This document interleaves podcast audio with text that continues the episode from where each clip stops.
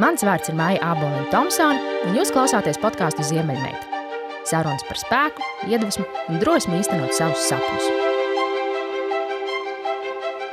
Kā iegūt mieru sajūtu par nākotni? Pirmais solis - nodrošinot savu finansiālo neatkarību un tēlēni izsakoties kārtīgi no visām pusēm, apolsterējot sevi ar drošības spilveniem. Bet kas īsti ir finansiālā neatkarība un kas ir labklājība, kā to veidot un kā nosargāt? Cik lielam ir jābūt drošības spilvenam, kā paredzēt nākotnes izdevumus un sagatavoties tiem laicīgi, kā jebkurā mm, krīzes situācijā justies finansiāli stabili un kā tāpat laikā arī neiekrist slavenā lipstika efekta slazdos. Šie jautājumi laika pa laikam iezogās manās podkāstu sarunās, un, nu, kad mums priekšā, nu, atklāti sakot, ir sagaidām būtiska ekonomiskās izaugsmas sabremzēšanās, diezgan liela pārorientēšanās biznesā un nu, arī vērā ņemams cenu pieaugums burtiski visās jomās. Jautājumam par finansiālo neatkarību vēlos pievērsties tā pamatīgāk. Un tāpēc šodien uz sarunu esmu aicinājusi dāmu, kas ir viena no zinošākajām ekspertēm Latvijā labklājības veidošanā un finansiālās miera sajūtas iegūšanā, Svetbank Latvija Private Banking vadītāja un sieviešu finansiālās neatkarības veicināšanas platformas šī ONS dibinātāja Karina Kulberga. Sveika, Karina! Sveika, Maija! Paldies par ielūgumu! Ir ļoti forši būt šeit šodien. Paldies! Tev.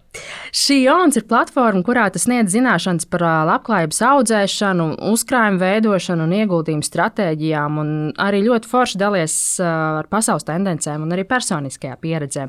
Un es pamanīju, ka platforma tikko 1. martā nosvinēja trīs gadu jubileju, ar ko es arī apsveicu. Paldies! paldies. Saki, kā tev radās tā ideja? Un kas ir tas, ko tu šo trīs gadu laikā esi novērojusi? par mūsu tērēšanas un uzkrāšanas paradumiem, un kā, kādas ir vispār mūsu attiecības ar naudu. Mm -hmm. Jā, nu tas, ka tikko ir pienākusi tā trīs gadu jubileja, vispār man pašai liekas absolūti neticami. Uh, jo šis viss sākās kā tāds mans eksperiments, kur es sapratu, ka man pašai, neskatoties uz to, ka man ir visa finanšu izglītība, ka es brīnišķīgi par naudu un par ieguldījumiem varu runāt ar citiem, bet tad kad tas nonāk līdz man, man, manim pašai, kad man ir jāpieņem tie lēmumi, man ir visādi bloki, un man ir nemieris, un man ir pārdomas, vai es pietiekami krāju, vai es pietiekami tērēju, vai es pareizi investēju, vai es nepareizi to daru. Un tas, ko es sapratu, ka šādi jautājumi ir vēl dažām manām paziņām, dažām manām draudzenēm, bet nu, nekad tie neparādās dienas kārtībā. Mēs runājam par visu citu iespējamo par bērniem, par darbu, par karjerām, par, par brīvo laiku, bet tā nauda kaut kur izpaliek. Un man pašai priekš sevis gribējās uztaisīt tādu eksperimentu, tādu mēģinājumu, iedziļināties mazliet dziļāk. Es sapratu to, ka nauda pati par sevi ir ārprātīgi bezskaislīga. Viņa neskatās vīrietis, sieviete, jauns, vecs, tie naudas likumi it kā visiem ir vienādi. Uh, Bet uh, tādus īsi pirms manas uh, dzimšanas dienas es ieraudzīju tādu Financial Times rakstu, kas parādīja to, ka sievietes to savu augstāko punktu atalgojuma ziņā, labklājības ziņā faktiski sasniedz maksimumu uh, 35 gados. Un tas bija nu, mēnesis pirms manas dzimšanas dienas. Un es sapratu, ka tas ir not ok. Man šis nedara. Man nevajag tā, ka tas viss ir tikai uz leju no šī brīža. Es gribu saprast, vai tiešām tas tā ir, vai tiešām par naudu, par kaut kā par naudu ir jārunā savādāk ar sievietēm, savādāk ar vīriešiem, kā viņi strādā. Un man liekas, ka tas ir tāds foršs eksperiments, ko es gribu iziet tam cauri, un iespējams, kādam būs no tā vērtība. Varbūt, varbūt nē. Un, godīgi sakot, tad, kad es tādu savu pirmo to manifesto par to tēmu, ieraugot to Financial Times rakstu, ieliku, pirmo es ieliku Novembrī, 18, pirms 18. novembra brīvdienām, kad nu, mēs visi latvieši tur diezgan ilgi ir tās brīvdienas, un es atceros, ka es ieliku to postu, un man vienkārši sāk apbērt no visām pusēm eh, pazīstamas, nepazīstamas dāmas, kas teica, super, par to ir jārunā. Mēs arī gribam saprast, kā tas strādā, kāpēc mums par to ir nemieris. Kādam nu, tas ir kaut kādā vienkāršā valodā jāsāk šķietināt vaļā. Uh, un tad, kā tu pareizi minēji, tad 1. marts pirms uh, trim gadiem bija tā diena, kad es to izdomāju, ka tā vide, kurā es par to runāšu, būs Instagram. Gluži vienkārši tāpēc, ka es sapratu, ka mums ir vajadzīgs arī tāds vienkāršs, labs, foršs veids, kā par to runāt, kas nav ar smagiem terminiem, ar kaut kādām smagām atrunām, bet tā ļoti, ļoti cilvēcīgi par to runāt. Un, ja tu man jautā, kas ir tās lietas, kas ir šajā laikā mainījušās, ko es esmu sapratusi, es esmu sapratusi, ka ir milzīga nozīme tam, ka mēs par to sākam runāt. Mums visām pakausītās bažas ir ļoti izteiktas. Ja? Mm. Mēs, protams, tā ir mums teiktu, nu, kas ir tā tā pirmā bažas. Šobrīd uh, skaidrs, ka nu, tā noteikti ir Ukraina, tas noteikti ir karš. Ja? Bet tas naudas jautājums būtībā visās aptaujās kaut kur uzpeld. Pirmajās, otrajās vietās kopā ar veselību, kopā ar satraukumiem par bērniem.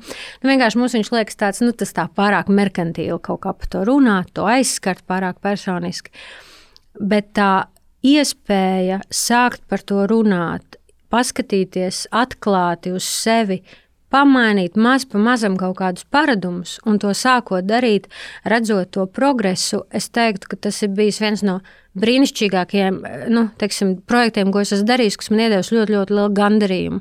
Un atskatoties atpakaļ, protams, ka es neticēju pirms trīs gadiem, man liekas, ka es ieliku to savu manifestā, man liekas, nu, būs kaut kāds mans draugs, kas nospiedīs laiku, pateiks, super, Karīna, ja tev vēl nav ko dzīvē, nepietika tev ar darbu un bērniem, visu nu padara, jā, paskaties, papēt kaut ko. Bet es esmu ļoti priecīga, ka šobrīd man ir man liekas, vairāk nekā 6000 to dāmu, kas seko, uh, kuras dalās, kuras pasakā, jā, man šis arī svarīgi. Šīs tēmas ir tādas, par kurām es domāju, bet uh, es baidos to jautāt. Es biju baidījusies kādam aiziet, pajautāt, nezinu, vienalga vīram, tētim, vēl kaut kam bankā, kaut kur. Man liekas, ka varbūt es vienīgā to nezinu, varbūt visi to saprot. Un tādu ļoti daudz. Tā otrā lieta, man liekas, pie kā es esmu nonākusi un kas man pašai šķiet visinteresantākā, ka no vienas puses nauda ir ļoti, nu, ļoti izmērāma, ļoti tehniska. Un, teiksim, tie likumi tur saprot, kas ir kas un cik daudz ir kāds. Bet faktiski vislielākais darbs e, ar to naudu un domājot par tām foršām attiecībām ar naudu ir tieši mūsu galvās. Un ir tieši šis viss psiholoģiskais un emocionālais. Ja? Un tas nav tā, ka es tagad baigi zinu, jo es tagad tur tik gadus esmu nomācījusies vai dabūjis tādas diplomas vai tā. Tas viss strādā arī uz mani, uz tevi, uz visiem mums. Ja? Uh, un sevi pieķert tajā, pateikt, tas ir ok. Es, es redzu, ka man ir kaut kāds, nezinu, ka es esmu nogurusi, es tērēju vairāk, kad es esmu mhm. sabijusies. Es, Iespējams, netērēju neko, es neuzklausu nevienu, kad ir šie triki, ko tā nauda ar mūsu galvu spēlē, jau sevi saprotot un mazliet, mazliet pamainot kaut kādas lietas, kas, ka tas var dot nu, ļoti lielu efektu un milzīgu efektu. Tā kā es teiktu, viens ir tas mans prieks par to, ka Es domāju, ka pirms trīs gadiem tā bija tāda baigta nišķīgā tēma, nu, ka tur sievietes nav, nu, priekš kam, nu, tas nevienu nu, droši vien neinteresēs. Šobrīd man ir baigi lielais gandarījums redzēt, ka tas tā tēma. Eh, es atceros, pirmo reizi, kad man uzrunāja, uzrakstīt rakstu sieviešu žurnālā, man liekas, ārprāts, kāda atbildība, ko, kā, kā man tagad to visu tur salikt un aprakstīt. Uh, bet tagad man liekas, tā tēma ir forša. Viņa parādās ar vien vairāk. Mēs ļoti, ļoti daudz runājam par uh, mentālo veselību, par to, kā mums sargāt savu prātu, kā mums fizisko veselību uzturēt.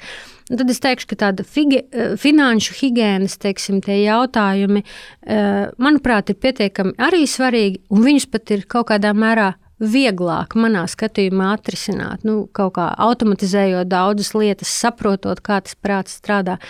Tā kā Tas ir bijis brīnišķīgs ceļojums priekš manis, brīnišķīgs eksperiments, kurā es esmu iegājusi, izveidot šo komunu un arī saprast, ka nu, tādā veidā kaut kādu mazu nospiedumu e, var tā kustība atstāt un tiešām kādam palīdzēt. Un tad, kad man uzrakstās dāmas, kas saka, es esmu pirmo reizi izveidojis savu mazu drošības pilvenu, kas man ir devis iespēju tagad pašai izvēlēties, vai es gribu palikt darbā, kas man nepatīk, vai es negribu. Vai es varbūt varu uh, turpināt attiecības, kas nebija tik veiksmīgas, vai varbūt nē, vai mhm. varbūt es varu kopā ar bērniem, es nezinu, aizbraukt mazā ceļojumā, ko es iepriekš domāju, ka es nekad nevaru izdarīt. Nu, tā ir tāda sajūta, kas man liek skudriņām skriet par kauliem un teikt, hei, tas ir, nu, tas ir forši, tas ir kaut kas tāds, ko ja šie paradumi drusciņā aizķerās un kaut kas paliek, tas ir nu, brīnišķīgs devums, ko es varu izdarīt. Man liekas, ka uh, mēs ilgu laiku par to nerunājam, tāpēc, ka bija pieņemts uzskats, ka par naudu runāt nav pieklājīgi. Mm -hmm. Un tagad vienkārši pamazām soli pa solim tas uzskats sāk izzust, jo mēs saprotam to, ka patiesībā tās mūsu nezināšanas dēļ uh, mēs daudz varētu labāk dzīvot, mm -hmm. ja mēs būtu daudz izglītotāki. Un kad, tas ir arī nu, rietumu kultūras uh, ietekmē un vispārējais. Bet tu noteikti esi lasījis daudz pētījumus par to, kā nauda ietekmē cilvēku laimi. Un, un kad, uh, jo, kad patiesībā tas pat ir tiešā korelācijā ar mūsu laimes sajūtu. Un tad es gribētu teikt, ka veidot attiecības naudas, tāpat kā veidot attiecības mīļo, mīļoto cilvēku. Mm -hmm. Un reizēm tas pat ir vēl svarīgāk un vēl sarežģītāk. Jā. Kā pareizi veidot to savu uzskatu vai to savu priekšstatu par naudu, vai, vai, vai kādā tajā mindsetā plauktiņā to naudu nolikt? Mm -hmm.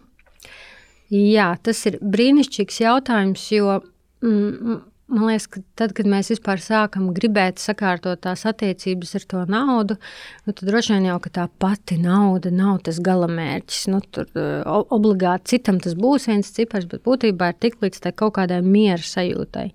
Un tas paradoks visos tajos pētījumos, kas to ļoti padziļināti skatās, ka tā nav viena summa, bet tā ir šī kontrolas sajūta, ko tu dabū. Lai dabūtu finanšu brīvību, finanšu drošības sajūtu, tev ir jāiegūst kaut kāda kontrole pār to naudu, par to, kā nu, apmēram mēs zinām, kā mums viņi ienāk, bet arī tā skaitā par to, kā viņi mums iziet. Un tajā brīdī, ja mēs nav, nu, ja nav tā sajūta, ka viņi kaut kā nu, tā bezmērķīgi vai nesaprotam, kaut kā mums atnāk, kaut kam iziet, mēs paši nesaprotam, kam viņi ir izgājuši, mēs nejūtamies kontrolē, tad sākās iekšā tā trauksme par to, ka nu, es laikam nepareizi, es nezinu, es nemāku, tas viss būs tik sarežģīti.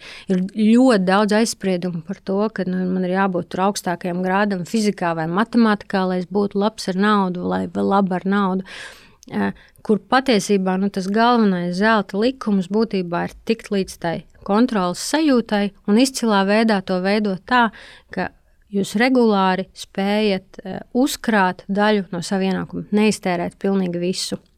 Un, ja man tādās līdzībās jārunā, kā tu teici par tām attiecībām, man liekas, ka visprecīzākā līdzība, ko es varu atcerēties, ko es varu iedomāties, ir tā sajūta. Es nezinu, nu, vai tev ir kādreiz sanācis, vai klausītājiem ir kādreiz sanācis. Um, Nu, tad, kad teiksim, arī brīvajā laikā es kādreiz bērniņus veidu, ka viņi bija mazāki, iztaigāties ar zirgu. Un tad, kad uzkāpa zirga mugurā, tad tā instruktore saka, teica man tā, tas zirgs zina, vai tu viņu vadi, vai viņš vadīs tevi. Un tagad, kā tu sēdi, tas, kā tu izturies, tas iedos viņam impulsu un iedos signālu. Eh, vai viņš pats izdomās, kur viņš ies, un tu tur sēdēs augšā un jodzīsies un nesaprotīs, uz kurien jūs kopā ejat, vai ka tu būsi gatavs mazliet pievilkt tos grožus un kā, eh, to kontrolas sajūtu, vai to sajūtu, ka tu pati gribi to vadīt, īstenībā realizēt. Tā kā tādās līdzībās man liekas, ka tā ir tā sajūta, tās ir tās attiecības. Jo kas man likās ārkārtīgi paradoxāli, ka es sāku šo visu pētīt, man liekas, kā, nu, vienmēr liekas, man būs bišķiņš vairāk naudas, tad es būšu laimīgs. Mm -hmm. Un tad vēl bišķiņš vairāk, un tad es būšu rītīgi laimīgs. Ja? Un tu visu laiku dzenies tajā vāveres, tajā ritenī, domājot, ka vēl tie simts, nu vienalga, cik tur eiro katru gadu viņi pieaug, ka tu atrisinās. Un tas, ko tie pētījumi pasaka pretī, Un, un ko jebkuram, kuram mēs jautātu, nu, viņi atbildētu, nu, kas notiek tajā nākamajā mēnesī pēc tā algas pieauguma. Tu atkal esi pa lielam turpat, tu esi diezgan identiski nelaimīga, tāpēc, ka tu esi, nezinu, apgraidojusi, paņēmusi jaunu līzingu, bišķi dārgākai mašīnai, izdomājis, ka tev vajag bišķi lielāku dzīvokli, un tajā vāveres ritenī visu laiku nu, iegājusi. Ja? Un faktiski, kamēr tu netiec līdz tai sajūtai, ka tu uh, zini, ka tu gribi dabūt to miera sajūtu, ka tu zini, ka tev tas uzkrājums, tas regulārais, ko tu veidosi, iedos tev to miera sajūtu. Tu visu laiku tikai dzinies viņam pakaļ. Ja? Tā, tā ilūzija arī bieži vien, nu, kad, um, kad tu sāc runāt par to naudu, cits saka, nu, man nav tik daudz ienākumu, lai, lai vispār es par to domātu. Bet interesanti tas, ka to saka gan cilvēkam, Patiešām visticamāk, ir ļoti maz ienākumu. Gan es esmu mentorējusi, runājusi ar dāmām, kam ienākumi ir nu, ļoti, ļoti labi un ļoti, ļoti lieli, ja, bet joprojām viņam tas pirmais skats, nē, tas nav iespējams. Un tāpēc man liekas, ka ir forši to tās attiecības ar naudu izveidot veidā, ka mēs nevis ceram, ka nu, tikai tad, kad mums paliks lielāka ienākuma, ka mēs uzreiz zināsim, kā tikt pie tās labklājības, kā būt tajā brīvībā, bet pagriezt pilnīgi otrādi to saikni, ka tajā brīdī, kad mēs sāksim veidot tos labos paradumus, tajā brīdī, kad mēs to kontroli sev paņemsim, es tiešām varu apsolīt, ka tā labklājība sekos, un tas miers arī sekos. Un to es esmu redzējusi šo trīs gadu laikā, katru reizi reizītē, kur ir dāmas, kas raksta, es tiešām neticēju, ka es to varu izdarīt, bet izrādās, ka es arī varu, ka man arī tas sanāk, ka tas nav kaut kas, kas ir dots tikai ļoti turīgam vai ļoti kaut kādam nu, ar īpašu izglītību. Tā. tā kā tās attiecības ir tādas. Uh, iluzora ir tā cerība, ka es kādreiz to darīšu, tie, ka man būs tā nauda. Īstenībā viņš ir tāds kā tu teici, mindset jautājums, ka es esmu gatava, lai nevis tā nauda kontrolē mani, bet ka es gribu ar to naudu izveidot to dzīvi, kas man ir svarīgi, kas ir tie mani mērķi, un nu, pastrādāt ar savu prātu, lai līdz tam mindsetam tiktu. Klausoties tevī, man nāk prātā divas lietas. Pirmā lieta, kad ir ļoti interesanti reizēm pavērot, kā cilvēki uztver naudu. Mm -hmm. Kādam viens eiro kas ir viens eiro, ko es par vienu eiro varu izdarīt, ko tu, nu, no sērijas, ko tu man te piedāvā. Mm -hmm. Kāds cits pasakās, viens eiro, pēc desmit mēnešiem man būs desmit eiro. Kad viņš saskata to naudas potenciālu, kā viņš var likt tai naudai kalpot sev. Mm -hmm.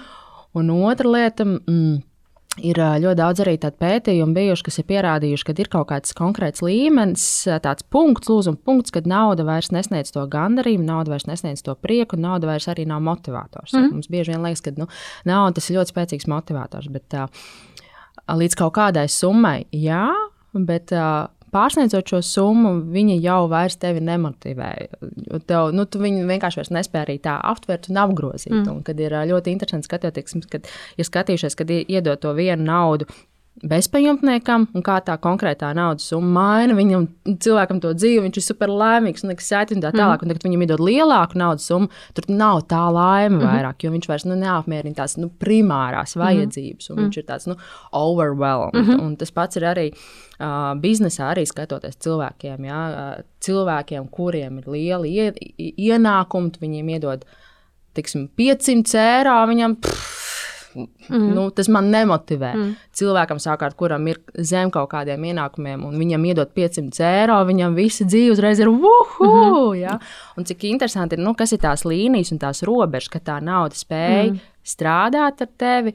Un uh, kā tu saskatīji naudu, to naudas potenciālu, kā nauda var strādāt tavā labā. Mm -hmm. Un, man liekas, ka tā ir arī tāda ļoti svarīga lieta, kas ir jāmāca bērniem jau no mazotnes, kad nauda nav līdzeklis bet uh, tu naudu vari viņu virzīt, vairot, veidot un, un, un, un, un, un, vienkārši skatīties, kā viņu vēl pelnīt, kā viņai likt vēl augt. Tā ir tāda lieta, kas man liekas, um, mazliet pietrūks mūsu mācībās, skolās, mācību grāmatās. Kā vecāki var nākt palīdzīgā bērniem to mācīt, attīstīt? Pirmkārt, pilnīgi noteikti eh, runāt par naudu, vispār runāt par naudu un sākt runāt par to.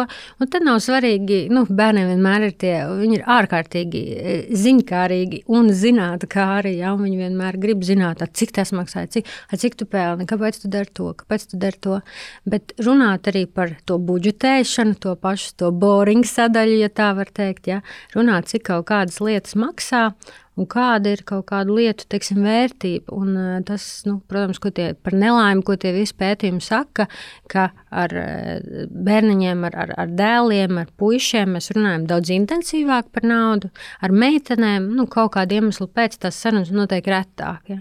Un, protams, ka man arī pašai ir ārkārtīgi interesanti audzinot divus dēlus, redzēt to, ka šobrīd 9 un 12 gadu vecumā, nu, viņi faktiski man stāsta par to, ka, o, pirksim šādas te vēl akcijas, mēs esam izdomājuši. Vai, es nezinu, tur baigi interesanti, kas notiek ar bitkoiniem, vai ka viņi ir kaut kādās, mm -hmm. nu, tajās burbuļos, tajās pasaulēs, kur mēs par šo varam runāt. Un man tas liekas īstenībā superīgi, ka mēs varam to darīt. Ne tikai par vērtībām, nu, nezinu, kā nopirkt jaunu telefonu. Mums ir ļoti ilga saruna par to, ko nozīmē vai nu nopirkt jaunu telefonu, vai nopirkt uh, pieņemsim Apple akcijas identiskā vērtībā. Ja? Un kāds mm -hmm. ir mhm. viens, un tad mēs ar vecāko dēlu tā arī izdarījām, ka mēs par kaut kādām tur naudiņām bišķiņ tās Apple akcijas viņam nopirkt. Nē, mēs laikam nopirkām pat vienu akciju, man liekas, ka toreiz viņi maksāja kaut kādus, teiksim, 120, man liekas, tur bija tie dolāri, tas bija tāds ļoti liels toreiz investments uz viņu pusi, bet tas mērķis būtībā bija viņam to sajūtu radīt, ka tālūk ir tā vērtība, kurā tu ieliec, un viņai ir potenciāls augt. Pretējā gadījumā, nopērkot jaunu telefonu, mēs visi zinām, pēc gadiem, trīs, četriem tā vērtība jau būs nokritusi. Mēs jau skatīsimies un raudzīsimies, kā nopirkt atkal jaunu, un tā nav lieta, ka vērtība pieaugtu. Līdz ar to tā, m, mm, tas koncepts man, man ārkārtīgi patīk. Protams, Roberts, ka jūs saki ar visiem poor dad, es uzskatu, ka tā ir literatūra, ko vienkārši katram bērnam vajag iedot lasīt kopā ar viņu, pārdomāt kopā ar viņu, saprast, eh, kāda ir tā atšķirība būtībā no tiem izdevumiem un tiem ieguldījumiem, un kā nu, veidot tādu foršu līdzsvaru, lai tos sapņus sasniegtu. Bet es gribu mazliet, mazliet atgriezties pie tā, ko minēji par tām naudas summām un kā tās mūs ietekmē. Es domāju, ka arī tajā finanšu drošības un finanšu brīvības jautājumā mums ir nu, kaut kāda tāda klišejiska, tāda, aprakst, nu, tāda, tāda abstrakta idejas. O, ja man būtu miljons, es tagad būtu nu, baigi laimīgs. Bet brīnišķīgi, teiksim, vingrinājumi, brīnišķīgas prakses ir faktiski tā, pavisam godīgi apsēsties un sev saprast, Bet kas ir tas nu, mans endgoal, kas man īstenībā liek, liks justies mierīgi? Nu, piemēram, ko es gribu, nezinu, 60 vai 65 gados, kādu es gribu to savu drošību, nu, pieņemot, ka varbūt tad man, piemēram, ienākums samazināsies. Un lielākā daļa no mums sapratīs, ka mēs gribēsim drošas mājas, kurā nu, dzīvo, mm -hmm. vienam dzīvoklis, vienam tur kaut kas. Ja? Mēs gribēsim, lai mums ir kaut kāds nu, teiksim, uzkrājums, kas ir tur varbūt kaut kādai mazai paceļošanai vai kaut kādām pamatvaidzībām, bet tie īstenībā nemaz nebūs kaut kādi šausmīgi lieli miljoni.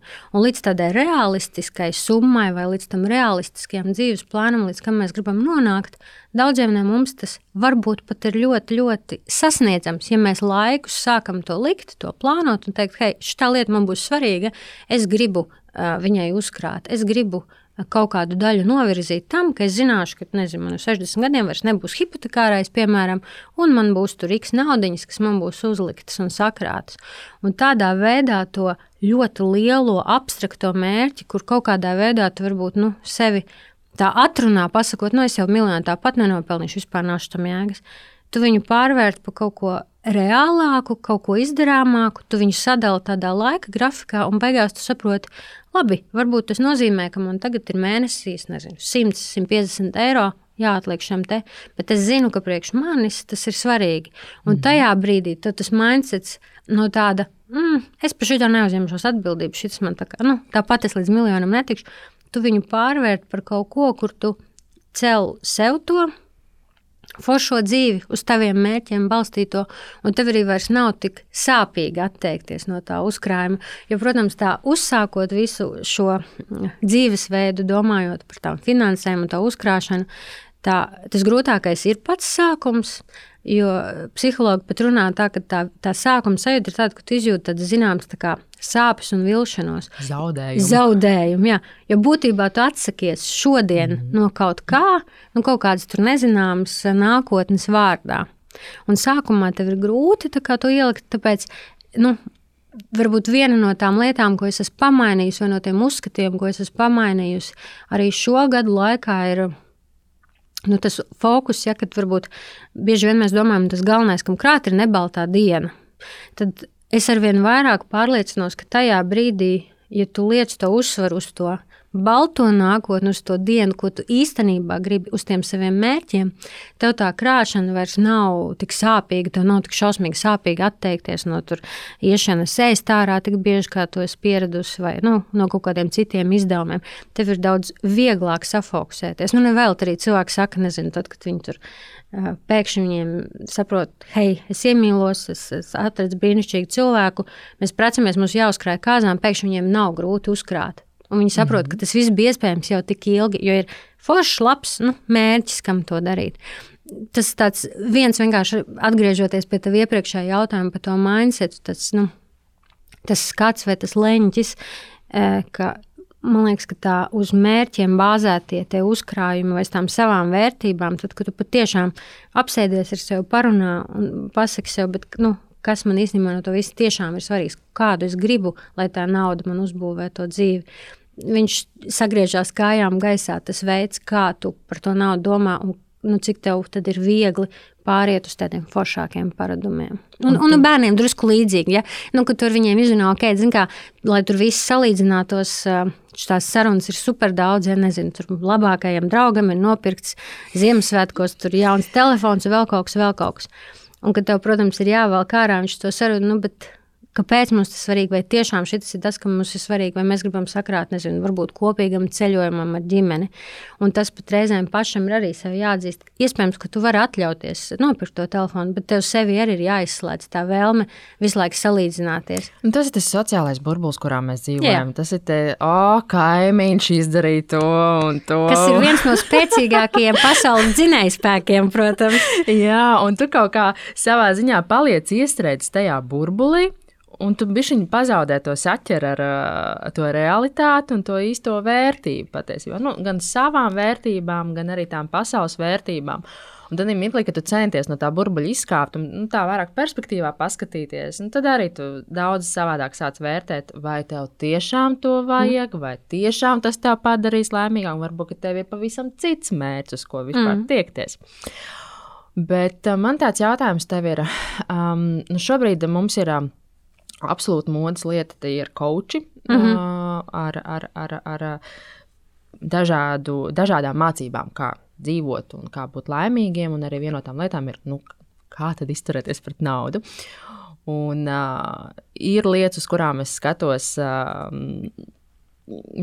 ar šaubām, ar bažām, un, un, un, un kā tu skaties tā mācībām. Jo, nu, um, teikšu, godīgi, man, ja man saka, tērē naudu ar prieku, naudai patīk tērē, izbauda pozitīvas emocijas un tā un tā.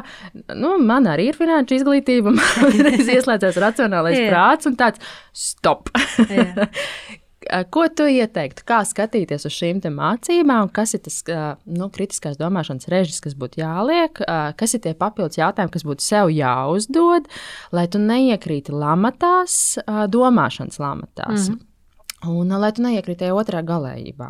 Jo nu, tā nauda tomēr ir tāda lieta, kas ir stingri jākontrolē, jātur tajā Excelī, uh mhm. -huh. ik pa laikam jāpaskatās tajā maciņā, uh -huh. kā Rīgas uh -huh. teikusi, paskaties maciņam acīs, uh -huh. ja? uh -huh. un, un, un, un, un neaizplūst tajā nu, ilūzijā.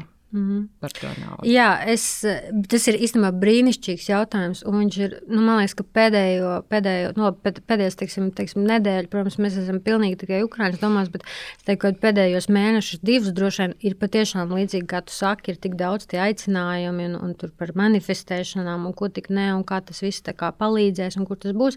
Un es, nu, to vērtēju, es mēģinu to vērtēt tādu ļoti atvērtu prātu, ja, jo es domāju, ka tiešām tā saruna par naudu, ka vispār tu nonāc līdz tam jautājumam, ka tev tas ir svarīgi, es domāju, ka tas ir ļoti, ļoti vērtīgi. Ja nu, tu sāc sev šos jautājumus uzdot. No otras puses, man liekas, ka tur ir baigi, baigi šaura tā, tā līnija starp to, kā tu minēji, nu, tērē tikai ar prieku, un viss tev būs, un jo vairāk tu pozitīvāk tērēsi, jo vairāk tev viņi būs. Ja? Man liekas, ka tas ir ļoti vienkāršots veids, ļoti bezatbildīgs veids, ja, kā tam pieiet. Jo tā mana pārliecība ir līdzīga, kā mēs sākām runāt arī par tiem bērniem un vispār par to uzkrājumu.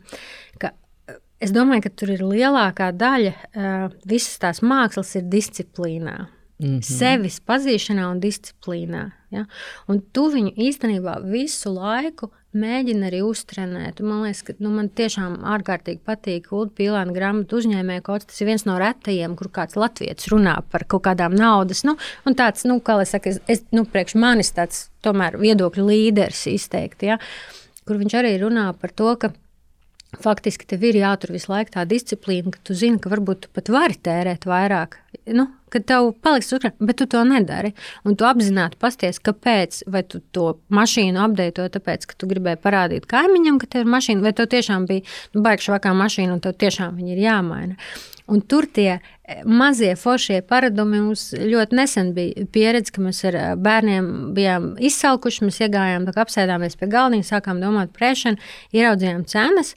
Mēs teorētiski to varējām atļauties, bet viņiem teica, nu, tā kā šitas ir, vai šito mēs tiešām gribam, nu, vai šis būs adekvāti. Un mēs piecēlāmies un tā kā izgājām. Bet, nu, tu zini to sajūtu, zini, kā, ka tur citi galdiņi sēž un skatās uz tevi, un tev ir jāsņemas. Jā. Bet, zini, kāpēc man patīk tas? Tāpēc, ka šis ir tas vingrinājums arī savam mindsetam. Ka, nu, kāda starpība, ka, nu, kāds, ko, ko, ko tie cilvēki teiks, tas ir tā, ir tava izvēle. Vai tu mm -hmm. šobrīd saki, ok, mēs ar četriem cilvēkiem gribam iztērēt tiešām 100 eiro, vai mēs varam aiziet, es nezinu, nu, 15 minūtes līdz mājai un uztaisīt tur kaut ko, un mēs būsim patiesībā nu, līdzīgi laimīgi, jo mēs esam, mums tā galvenā vērtība ir būt kopā.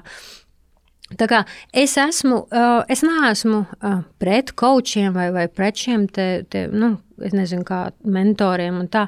Man liekas, ka tas nav slikti, bet es domāju, ka tā pieeja, kas saka, ka tas viss pats no sevis atnāks, tev ir tikai jādomā labas domas, es domāju, ka tā ir ļoti bezatbildīga pret daudziem cilvēkiem un ka tā vienkārši viņus var ilgāk nu, ievest tajā sajūtā, Ilūzijā. kad nu, kaut kādā ilūzijā. Un atkal tur nav tā, nu, tā āķa, ko mēs runājam pašā sākumā, ka to kontrols sajūtu tu tur nedabū. Jo tu tā kā ceri un paļaujies, ka tev vienmēr būs, bet no otras puses, ja tā laime nāk no tā, vai tas tā mieras, nevis laimes, bet turbūt tā miera sajūta par naudu, ka tu zini, ka tu esi uztaisījis savu sistēmu, savu mehānismu, kā tu jutīsies pa viņu droši. Un tas nav tur augstākā matemātika, bet ka tu regulāri samaksās sev pirmajai, parūpēsies par sevi, nu, tā kā par pirmo. Un tas ir brīnišķīgs psiholoģisks vingrinājums, brīnišķīgs paradums, ko ieviest. Mm, vai, vai tikai laimīgi domājot par naudu un laimīgi tērējot, mēs tiksim līdz tam mieram? Es godīgi teikšu, es domāju, ka nē. Es domāju, ka nu, tā ir pagrūti tādā veidā izveidot tādu foršu praksi ar naudu. Tu minēji ļoti labi atslēgas vārdu disciplīna. Kas ir tās lietas, uz kurām mēs, sievietes, visvairāk iekrītam attiecībās ar naudu, kas ir tās lamatas? Es domāju, ka mums ir nepamatoti zema pašapziņa par savām finanšu spējām, Un es tiešām ar visu cieņu saku to, ka es domāju, ka mēs brīnišķīgi varam tikt galā ar savām finansēm, un mums ir kaut kāda e, bieži vien uzskats, nē, nu, ka tas tur ir šausmīgi sarežģīti, un man tur jāiemācās augstākā matemātika, un būs jāsaprot kaut kādas tur uzreiz procentu likmes, kaut kas. Tie zelta likumi īstenībā ir ļoti, ļoti vienkārši. Tā kā es teiktu, ka tās lamatas, kurās mēs iekrītam, viens noteikti ir tas, ka mēs sakam, To jautājumu es nerisināšu, tāpēc, ka es tur neesmu pietiekami gudra, gudra avansēta, vēl kaut kas, mm. vēl kaut kas. Un, zini, māja priekš manis tas šoks ir tad, kad man to pasaka, ja es aizēju kaut nu, kādu vieslekciju par šo tēmu runāt, dāmas, kas, piemēram, vienreiz bija brīnišķīgām dāmām no IT uzņēmuma, kuras es tiešām domāju, ka viņas visas bija ar augstākiem grādiem inženierzinātnēs un fizikā. Nu, es esmu ļoti tālu teiksim, no tāda līmeņa. Kāpēc viņas teiktu, ka viņas to nezina? Un viņas visas bija jau pat ieguldījušas un tā tālāk. Tā kā, man liekas, ka tās ir lamats numur viens atlikt to jautājumu, domājot, kad uh, kaut ko mēs nevarēsim vai kaut ko mēs nesapratīsim. Man liekas, lieta numur divi ir tas, ka mēs ļoti, varbūt sievietes vairāk fokusējamies tās mūsu atbildības jomas, tās rūpes, tā rūpīga funkcija, nu, kas akadēmiski viņa tā faktiski pat saucās, ko mēs uzņemamies par citiem, nozīmē, ka mēs konstanti esam ārprātīgi piekusuši, ārprātīgi mm -hmm. pārguruši, un mēs netiekam līdz tam ilgā termiņa tam mieram. Mēs parasti nu, parūpējamies par visiem citiem. Nu, tur šeit zina, tev arī bērni, ja tur visi ir izmācījušies, pāduši, tīri, mati izmazgāt, no, nag nogriezt, viss tad, ir pašai darbs, ir tur vīram, viss, viss, tarara, viss ir salikts bet tev nav tā laika, tās 5, 10 minūtes, lai uztaisītu tos nu, maziņos uzlabojumus tajā savā skatā. Un te es domāju, ka ir. Eh, pie, nu, tas arī man ir bijis jāsaprot, kā man runāt ar sevi, kā man runāt ar sievietēm, kāda ir tā valoda, lai tu viņu neaizbiedē prom, lai viņi saprotu, ka tas attiecās arī uz mani. Tas nav priekš finanšu guru, un ka tas būs pietiekami kompakti. Tas nenozīmē, ka viņai vajadzēs tērēt tam katru dienu 40 minūtes vai stundu, lai tagad iemācītos, kā staigās tur akciju tirgus nākamā gada laikā, piemēram. Kā, man liekas, ka tās divas lietas Es neredzu, ka mums ir kaut kādi šausmīgi trūkumi, ka mēs kaut ko nesaprastu vai nevarētu saprast. Absolūti nē. Tas ir tikai tā, um, tas pašvērtējuma jautājums. Un mēs pilnīgi droši to varam. Es esmu pārliecināta, mēs to brīnišķīgi darām. Un divi, tas fokus drusciņu uz tiem ilgākiem mērķiem. Jo viens no tiem modeļiem. Un īstenībā viens no visvairāk postiem, par ko es saņēmu visvairāk komentārus un visvairāk iesaistis, bija par šīm te arī naudu pāra attiecībās un kā viņi strādā, ko tas nozīmē tur, nu, kādām vāras pozīcijām vai no vienkārši tādām nu, ikdienas veida, kā mēs to naudu, par to naudu domājam. Un tur diezgan daudz bija tie piemēri, ka faktiski tajā brīdī tas modelis ir tāds, ka tu sedz visus ikdienas izdevumus, un tavs, pieņemsim, partneris ir atbildīgs par tiem ilgtermiņa uzkrājumiem, tu nedabū to miera sajūtu, jo tu visu laiku esi tajā, ka tu apmaksā to ikdienu, tev nekāds uzkrājums nepaliek. Līdz ar to tev nav tā drošības un tā miera sajūta. Un tam nav nekāda sakara ar to, ka būtu sliktas attiecības, vai ka tagad kādam vajadzētu šķirties, vai tam līdzīgi. Bet vienkārši tā tas uzkrājums strādā kā tas eh, drošības sajūtas, mm. teiksim, tas garants. Ja? Un, nu, Jo viens redz, kā nauda aug, otrs jā, jā. redz, kā nauda iet. Dilst, un viņa nekad nepaliek vairāk. Viņa tā kā visi notērējās, un mēs zinām, ka droši vien, nu, ja tie bērni ir un, un teiksim, tie ģimenes izdevumi, un, protams, arī e, īpaši, kad ir komunālajie pieaug tā tālāk, nu, tur viņiem ir tieksmi ļoti ātri izbeigties. Ja? Nu, tā, tā kā man liekas, ka tie ir tie elementi, ja tu man jautātu, kas ir nu, tās varbūt tādas lamatas, kurās mēs iekrītam, bet tās absolūti nav nekāda tur, nezinu, kaut kāda nekompetence vai nespēja. Tas vienkārši ir pēc iespējas vienkāršākā veidā. Ar kaut kādu pārliecību izveidot sev sistēmu, kas tev ļaus iegūt to finanšu miera sajūtu. Man ir šeit pretī piemērs no dzīves. Es esmu beigusi SSR Rīgas Executive uh -huh. MBA programmu. Un, uh, es esmu pēc dabas radošs profesijas pārstāvis un arī radošs cilvēks. Un, uh, tad, kad bija šie financial accounts, jā, jā, jā, jā, account, jā, jā, jā. es gāju četras raudāt. jo man tiešām vajadzēja aiziet paraudāt, man bija ļoti grūti. un, uh, man ļoti palīdzēja tas, kad uh, es atradu uh, savu teikt, uh, kurš man pēc tam to visu varēja ielikt trīs vārdos. Sazipot, un tad, ah, ok, šitā tas strādā. Okay. Un tieši tā, ka mm, viss tā sarežģītā, tā, tā, tie termiņi un, un, un viss, tiklīdz kā to atrod, to veidu, kā to visu pagriezt vienkārši, saprotam, tu to daudz labāk saproti. Viņš to pilnīgi iet tādā kā DNS iekšā.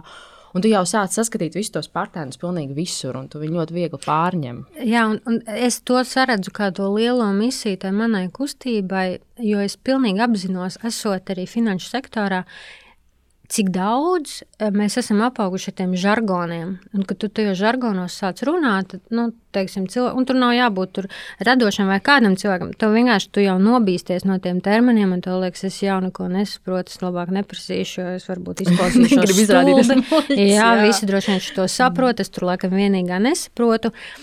Eh, bet tad, kad tu pagriez tos jautājumus tiešām no to vajadzību, no mērķu perspektīvas, un tu mēģini viņus izskaidrot pēc iespējas vienkāršāk ar cilvēku vārdiem, Tas ir ļoti, tas arī man pašai īstenībā ļoti interesants uzdevums. Es pat tagad skatos atpakaļ uz vieniem no pirmajiem postiem, un es esmu ar tādu nu, tā postēs tā ļoti tā formāli. Ja nu šī tāds termins un tā. Un tur nav nekas nepareizs, viņš jā. ir absolūti pareizs. Bet, ja, ja tu to lasi, tad tu sāc lasīt, un es jau redzu, kā tev šodien tādas lielas acis jau paliek, ja tu saproti otrajā teikumā, mm -mm, es jau nesakoju, es nesaprotu, kāpēc man šis ir vajadzīgs.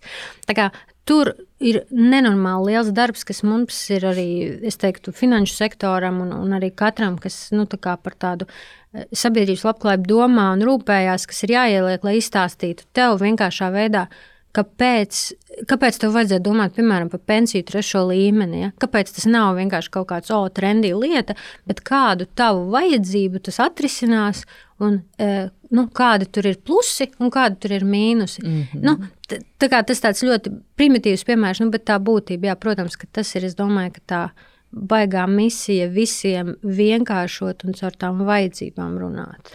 Tas ir lielākais mīnus bankām, ka viņas ļoti sarežģīti komunicē ar klientiem. Un, uh, Un, un, un, un jo tuvāk bankas nolaidīsies, nu, tiksim, tā nolaidīsies, bet jo vienkāršāk un saprotamāk viņi sāks runāt, jo, jo, jo klienti būs atsaucīgāki un labāk sapratīs, ko tā banka viņam piedāvā. Mm. Un, un, un vēl bankām liels mīnus ir vienmēr šis te, ja jūs nedarīsiet to un to, sodu sankcijas būs tāds un tāds, un liekas, vispār ārprāts. Es, es saprotu to fonu, kāpēc mēs tā runājam, jo, nu, skaidrs, ka bija milzīgā finanšu krīze, ja, pirms kuras kuras vispār visiem tikai teica, nu, vai metiekšā, metiekšā šitam vēl, ja, un mm. viss būs baigi labi. Mm. Un mēs tos riskus varbūt kaut kā neredzējām. Tad mēs iegājām tajā pozīcijā, kur mēs tos riskus uzcēlām pirmos, bet tas, ko viņi liedza, ka tie daudziem cilvēkiem tā sarežģītība liedz īstenībā nonākt līdz tam, ka tā nauda var pastrādāt tavā vietā un var nopelnīt tavā vietā, kamēr tu guli, kas ir nu, mm. kolosāla feature tajā naudā. Ja? Mēs, man liekas, esam gājuši visus tos ciklus cauri, kas ir ļoti svarīgi pēc iespējas par to runāt, pēc iespējas jaunākā vecumā ar bērniem jau. Jo es domāju, ka viņiem tas aizķerās brīnišķīgi. Un citreiz, kad eh, man bērni sāk man mācīt, kāpēc es daru to vai kāpēc es pērku to, jo tas ir lētāks, un tā man nākas tā apstāties un padomāt, tā, kāda ir pareizā atbilde, vai kāpēc es pērku vai daru šito, vai kāpēc tas ir vai nav svarīgi. Um, tā kā es domāju, ka kopā jau mums tas. Um, visiem izdosies, bet noteikti tā finanšu pratība caur to, ka tie, kas ir eksperti, var par to runāt pēc iespējas vienkāršāk, ir ļoti liela lieta. Un, starp citu, attiecībā uz tiem dzimumiem, tie pētījumi saka to, ka sievietes kopumā daudz vairāk ieklausās padomos, viņas daudz izsvērtāk pārdomā visus savus lēmumus, bet, kad viņi pieņem savus lēmumus, viņi ir daudz konsekventāki. Respektīvi, nu, tad, ja tu teiksim, sapratīsi, Kāpēc? Nu, tu izdomā mm -hmm. savu feature, tu saki, es gribu uzkrāt bērniem tā, lai viņiem tur pēc nezinu, 10 vai 15 gadiem ir x naudiņas studijām. Tu izpētīsi, kas ir tie produkti, kas ir tie plusi, mīnus, kā. Un tagad, kad tu sāksi, tu tur neraustīsies. E, vīrieši varbūt daudz drosmīgāk ieies tajos lēmumos, lēmumos, kas ir brīnišķīgi. Nu, tas ir super, bet varbūt viņi daudz biežāk domās, ai, tagad atkal paskrēju uz leju vai paskrēju uz augšu, tur kaut kāds indeks piepirkšu, vēl klāt samazināšu kas nu, ir cita stratēģija, bet nu, tā ir būtiska atšķirība, ko visi tie pētījumi par to mūsu finanšu uzvedību saka. Mm. Kā īstenībā būtu pareizi mm, veidot pārī ģimenes budžetu? Abi divi samet naudas kopā vienā katliņā. ja tomēr nu, kaut kāda lieta, tai sievietei kaut kāds procents ir jāpatur sev, lūpkrāsai, jaunai somiņai, Kā tu to redzi? Nu, tu tagad iemeti. Šis ir tāds jautājums, tā kā, bumba, tā kā bumba vienkārši. Es biju uh, brīnišķīgā vienā, uh, vienā konferencē arī aicināt runāt, un pirms manis runāja viens puisis, uh, arī no finanšu sektora, ļoti, ļoti gudrs, un, tā, un viņš stāsta par to metodu, kā ir pareizi. Un pareizi ir tā, ka mēs visu liekam Excelī, mēs visu viens otram parādām, mēs visi atskaitāmies, atnesam čeku un tā, ja? Un tad mēs zinām, kāda ir īstā dzīve. Ja? Un es domāju, ka varbūt arī baigi sevi nevajag šausmīt par to, ka tur ir šis pareizais modelis un ka obligāti mēs tur neesam vienā vai otrā modelī. Um, tie modeļi īstenībā ir baigi dažādie. Tie modeļi var būt nu, viena kategorija, šis te pilnīgi open un viss ir open un viss ir tur Excelī. Arī man, piemēram, tāds modelis nav. Ja? Otra kategorija ir, nu, tur katram vispār ir pilnīgi savs, un jūs ne līdz galam zināt, kurš samaksās šonadēļ par apkūra, kurš nākamā mēnesī ja, to paņems. Bet tad ir milzīgs spektrs ar versijām pa vidu. Viens no, un es toreiz arī pēc tās konferences man pašai bija ļoti interesanti to, ka es uztaisītu aptauju arī tām savām sekotājām. Īstenībā kaut kāds, man liekas, 400 atbildēja, kas, nu, tāds, man liekas, diezgan reprezentatīvs, mm -hmm. ja tas samplīts. Un tas biežākais modelis ir tāds, ka ir kaut kādas izmaksas, ko jūs zinat, kā pāris, ka jums būs jāsadz, un jūs esat vienojušies par kaut kādu proporciju, kas jums ir pieņemama. Nezinu, piemēram, tu pirks pārtiku, tavs partneris nezinu, maksās piemēram par komunāliem.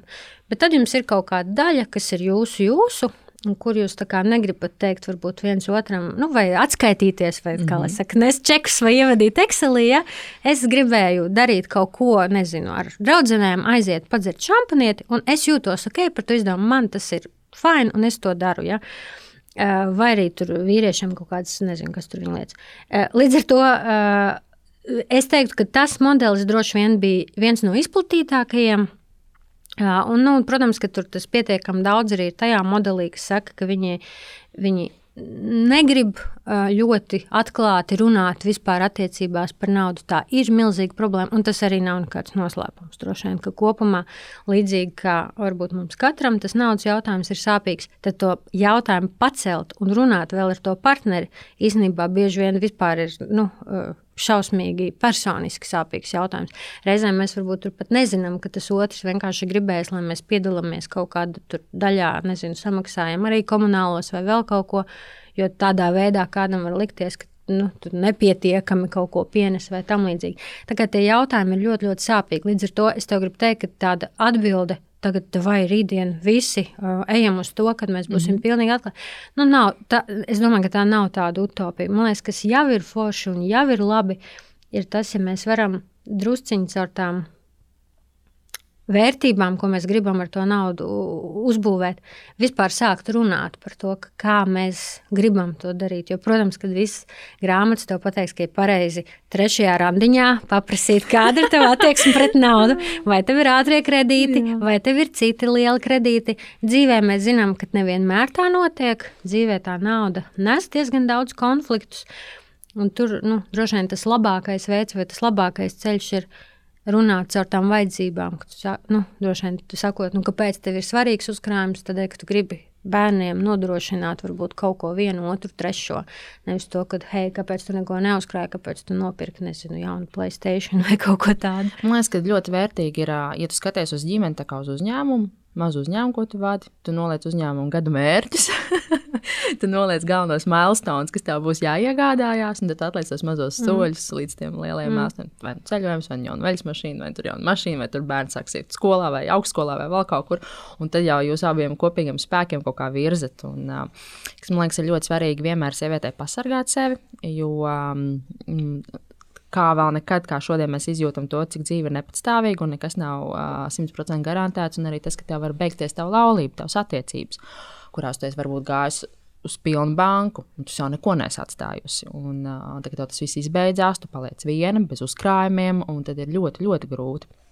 Un, uh, lai to visu tā racionāli arī atstāt sev pakausīto sajūtu, ka man ir arī vajadzīgs man pašai personīgi priekš sevis plāns C, D, jā, pat ne B, bet uh, kad, uh, nekad nedrīkst. Nu, es nevaru teikt, nekad nedrīkst, bet nu, nav ieteicams iet uz pilnu, pilnu, pilnu banku, atdot visu, bet neko sev neatstāt.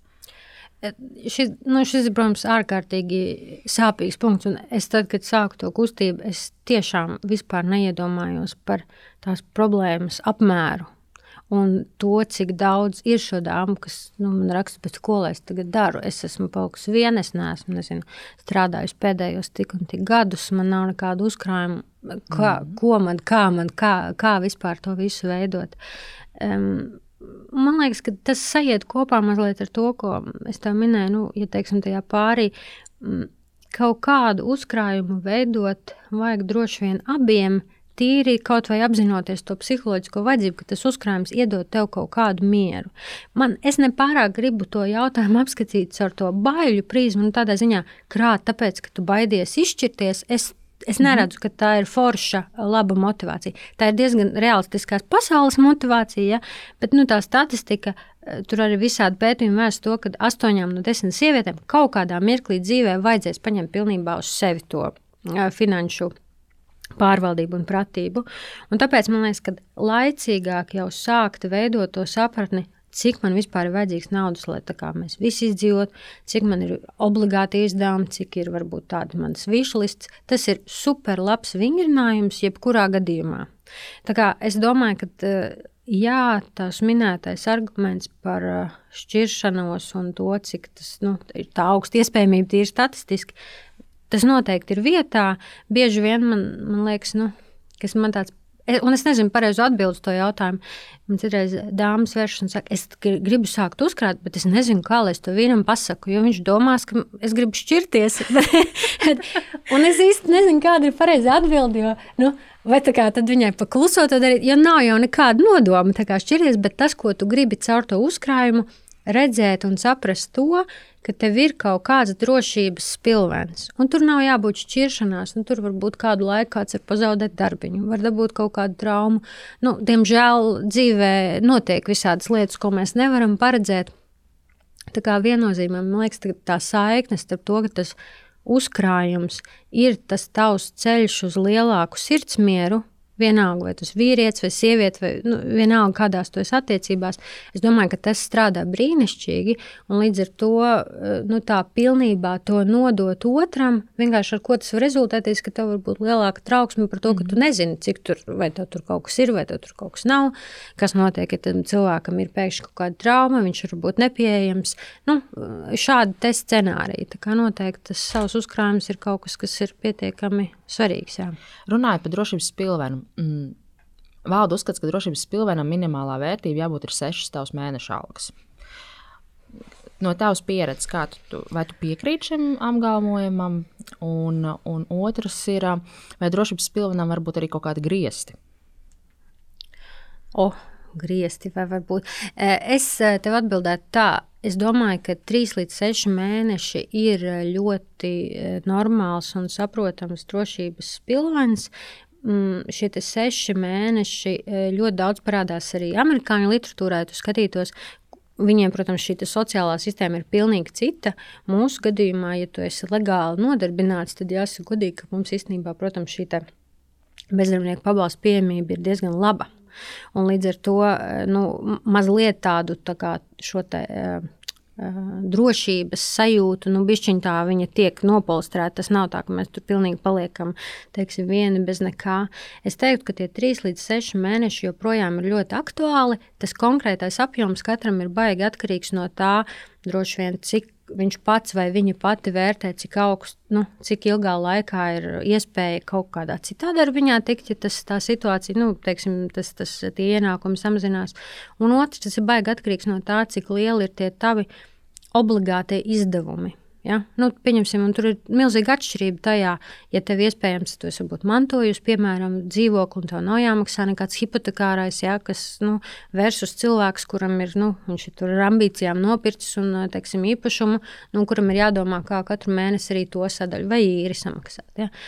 Tās tie būs divi dažādi scenāriji. Līdz ar to, jo tev ir vairāk, protams, šo paredzamo, plānoto izmaksu, ko tu zini, kas viņas būs. Nu, jo tev tas pilvens būtībā ir jāparedz kaut kādā mērā lielāks. Vai viņam ir griezti? Es domāju, ka tas nāk vienkopā ar to jautājumu. Tajā brīdī, kad mēs tos uzkrājumus esam sākuši veikt, kurā brīdī mēs jūtamies komfortā kaut kādu daļu no tās summas sākt ieguldīt. Jo ir ļoti daudz, kas saka, es nu, veicu uzkrājumu skaidrā, nu, nevis skaidrā naudā, mm. bet, teiksim, nu, bankā atstāju tādā naud, naudas izteiksmē, negribu neko darīt. Tas absolūti nav sliktākais veids, kā darīt. Nu, labāk tā, nekā, kā lai saka, mm. neuzkrāt neko. Uh, bet, protams, nu, tās inflācijas rezultātā kaut kāda naudas vērtība krīt. Līdz ar to, vai kaut kādu daļu uh, brīdī, kad jums tas uzkrājums ir pietiekami liels, nu, ir prātīgi kaut kur sākt domāt, kā tai naudai likt pelnīt uh, pašai. Es domāju, ka jā, ka tas ir svarīgi, bet vai viņš var būt par lielu, tas drošības pilns vai tas uzkrājums, es domāju, ka forša krāšanas kultūra kurā mēs ieejam, nu, pat par sevi tas nav nekas slikts. Es, es teiktu, ka nu, kaut kādā brīdī vienkārši tas jautājums drīzāk pāraugt tajā, vai kaut kādu daļu no tās naudas iespējams vajag sākt mēģināt kaut kur ieguldīt, lai viņa nu, nezaudē vērtību. Nezaudē vērtību jā. Jā. Mm, jautājums ir, kas ir tie labākie ieguldījuma objekti? Un kā vislabāk izvērtēt, kur ieguldīt? Um, labākie ieguldījuma objekti ir eh, katram no mums jā, vien, jāpaskatās, jāsaprot, ar kādu tādu riska apetīti mēs esam un cik mēs esam uh, gatavi kaut kādā īsākā termiņā pastīties, nu, ka tā vērtība pieaug un krīt. Um, tādi droši vien tādi tipiskie, kas kā privātpersonām nu, ir teiksim, pieejami un tiek izmantoti. Man liekas, nu, var iedalīt tādās divās lielās grupās. Eh, tie ir kaut kādi, nu, tādi, eh, tādi dzīvie pataustāmie kaut kādi objekti. No tiem, protams, tāds tipiskākais ir šis nekustamais īpašums. Bet nu, tur jāsaka, ka nu, ir arī pietiekami daudz mīnusi. Tā summa, kura tev jāinvestē, ir sākotnēji pietiekami liela. Nu, tur ar 10 vai 15 eiro, tu, protams, neko iesākt nevari. Mm. Nu, plus tu visu savu to plānu, ieliec nu, vienā tajā groziņā, vienā tajā dzīvoklī, vienā tajā kaut kādā īpašumā, nu, kuram arī kaut kāda riska. Tas nekad nav solīts, ka tā vērtība vienmēr pieaugs. Es domāju, ka tie, kas es esmu viens no tiem, kas. Astotajā gadā nopirka dzīvokli. Es droši vien tagad esmu labi atguvusi to vērtību, ja, kas toreiz tās krīzes laikā nokrita un tagad atkal ir kaut kur atnākusi atpakaļ. Un tad tas otrs veids droši vien ir piedalīties kaut kādā mērā sauktajos finanšu tirgos, ja, skatīties uz kaut kādu, kļūt par kaut kādu mazu, mazu īpašnieku, akcionāru kaut kādos pasaules vai tā skaitā Baltijas uzņēmumos un izmantot to iespēju, ka nu, ilgtermiņā tā pasaule tomēr aug un attīstās, un kad arī nu, šādā veidā tu piedalies tajā izaugsmē un kaut kādu, teiksim, ienesīgumu tur sasniedz. E, nu, tie, es teiktu, tādās divās kategorijās tie droši vien ir tādi divi veidi. Nu, tajos finanšu tirgos mums ir tipiski bailīgāki, jo mēs viņus nelīdz galam saprotam. Tur ir ļoti daudz jautājumu, kā tas īsti strādās. Bieži vien cilvēkiem asociējas ar kaut kādu loteriju vai ar to, ka tu neko nevari paredzēt. No otras puses, tas, ko, protams, viņi piedāvā, ka tu daudz veiksmīgāk ar mazākām summiņām vari e, saguldīt daudz uzņēmumos vai daudz objektos. Līdz ar to tu neesi atkarīgi no tā, kā ies tur Apple vienam pašam vai Teslai vienai pašai. Bet nu, tu iespējams nopērci tādu mazu paciņu, ko kāds tavā vietā varbūt jau ir sapakojis. Nu, vai arī, tu, ja tev interesē un patīk, tad, protams, ka tu vispār pati vari izvēlēties, kas ir uzņēmumiem, kam tu tici, kam tu uzskati ir nākotnes potenciāls, nu, un tad piedalīties šajā viņa izaugsmē, kā maziņš maziņš, bet tomēr, piemēram, akcionārs. Jā. Un kā ir ar uh, seno labo vecmāmiņu mācību, meitiņu ieguldi zeltā? Nu, redzi, kā tas zelts kaut kur ir jāglabā. Jā, tie zelta stieni sēž, nu tad, tad tev ir vajadzīgs zobos kādreiz. Vai, vai zobi, tad jātais un tā tālāk. E, ir, protams, ļoti daudz, nu, vēl alternatīvu veidu. Šie droši vien bija tādi divi uzskatāmākie, biežākie. Zelts var būt viens no tiem, bet, nu, zelts arī droši vien tipiski drīzāk asociēts kā tāds, nu, kas ir tajos krīzes laikos, kā labs, varbūt tāds aktīvs, nu, kas nezaudē tik ātri to vērtību. Ja mēs runātu nu, par to, ka tu gribi kaut ko, kam tā vērtība straujāk varbūt pieaug tādā pašskatāmā laikā, tad uh, viens ir nu, tas glabāšanas jautājums, tā fiziskā zelta, ja, un otrs droši vien arī ir tas, ka nu, atkal viņu vajag droši vien pamiksēt ar vēl kaut ko, uh, nu, lai nav visas uh, olas, tā teikt, vienā tajā groziņā. Liels jautājums par inflāciju. Vai es varu kaut kā plānojot savu budžetu, mm, nodrošināties arī pret inflāciju? Vienīgais veids, laikam, kā tu vari nodrošināties pret to, ir saprast, ka visticamāk tā inflācija eh, būs, visticamāk tās cenas pieaugs, un tev ir eh, divas tādas iespējas plānojot eh, budžetu un domājot nu, par tām augošajām cenām. Viens ir tas, ka tu mazini savas izmaksas, un tad tu kaut ko dari mazāk, rēķinoties ar to, ka, nezinu, gāze tev maksās dārgāk, apkurss tev maksās dārgāk, vai arī divi, tu skaties, kā tu vari palielināt savus ienākumus. Ja? Jo bieži vien tad, kad kad runā ar tām dāmām, viņa saka, nē, nē, nē, es neko vairs nevaru nogriezt, bet es gribu to uzkrājumu. Mm -hmm. Ok, bet tad ir jāskatās, kur un kā varbūt tu vari nopelnīt vairāk. Un tas savā ziņā ir daudz izaicinošāk, ja, jo nu, tur bišķiņi ir jāieliek lielāks, varbūt bieži vien radošums. Bet būtībā nu, ir šīs divas iespējas. Viņas droši vien nāk tajā kopsolī ar to, ka viens, tas, ko tu gribētu, nu, lai ar šo inflāciju tu eh, kaut kādā brīdī redzi, ka arī tas tavs ienākums vēlams nu, pieaug un ka kaut kādā veidā tiek atzīts caur tavu atalgojumu vai citu ienākumu veidu. Uh, Nu, divi tās izmaksas, protams, kaut kur var griezt, bet nu, trīs arī šie tavi uzkrājumi, tas, ko tu droši vien negribi, nu, lai vienkārši tā, tā būtībā tā nauda to vērtību zaudē. Līdz ar to nu, kaut kādu ideju par to, kā atspēkot to inflācijas efektu, ir vērts padomāt. Nu, tad tiešām nu, tās versijas ir vairākas, bet es teiktu, ka tādā ziņā šie arī finanšu tirgi un finanšu produkti īstenībā, protams, ir ļoti eh, viegls veids, kā varbūt sākt tajā ieiet ar netik lielām nemaz summām un paskatīties, vai tev patīk, vai tev strādā, kāpēc tev tas strādā, kāpēc tev tas nestrādā. Tā kā, liekas, ka tā kaut kā. Ir interesanti, ka Ir zemes, ir valstis, kur tas ir noteikts ar likumu, uh, katru gadu jāvēl darbiniekiem algas korekcija par inflācijas procentu. Mēs, protams, vēl līdz tam esam mindset izaugšanas ziņā mums vēl ir kur tiekties un uh, iet un attīstīties. Un, attiecīgi, tas uh, reālais man, manā skatījumā otrs uh, uh, efekts ir uh, domāt nevis kā kaut ko samazināt, bet kā nopelnīt vairāk. Mm -hmm. un, uh, parasti arī vēl tas uzskats, ka tev nevajag paļauties tikai uz vienu revenue streamu, ka tev ir vajadzīgi vairāki. Uh, kā tev liekas, cik? Uh, Cik būtu labi optimāli divi, trīs papildus šie ienākumu avoti, Nu, zinot to, cik katru reizi izveidot jaunu avotu, tas ir laikietilpīgi, es teiktu, ka nu, vajag apņemties katru gadu pamazam veidot kādu no viņiem, ja, un papildināt. Un tādā ziņā, protams, tā ir superīga sajūta, ka tev neko nedarot, nepieliekot papildus pūles, tu vienā dienā attaisi savu internetu banku un ieraugi, ka tev, piemēram, ir ieskaitīts dividends par kaut kādu ieguldījumu, ko tu veici, un tev nebija jānostrādā ekstra papildus stundas, lai to izdarītu. Jebkurš, kurš ir, pieņemsim, arī nu, investējis nekustamajā īpašumā, nu, arī zina to, ka tas ir forša, nu, forša laba investīcija. No otras puses, viņi prasa laiku. Viņi prasa to, ka iespējams tev pēc darba būs jābrauc paskatīties, kā tam īrniekam tur iet. Varbūt tev būs brīvdienās jāpiekrāso sienas, tad, kad tur pārplīsīs kaut kādas trubas, tev būs svētdienas vakarā tur jābrauc, ar viņām jāņemās, jādara. Tā kā ja tu man prasi par to mindsetu, es domāju, ka lielā mērā. Mm, investīcijas pēc būtības ir pāriet no tā mindset, kur tu esi kā, tikai kā darba ņēmējs, nu, kurš saka, es tur mhm. abstrahējos. Man vadītājs, viņš tur visu man izdarīs, es atnākšu, izdarīšu savu darbu, aiziešu, viņš man cerams samaksās laikā.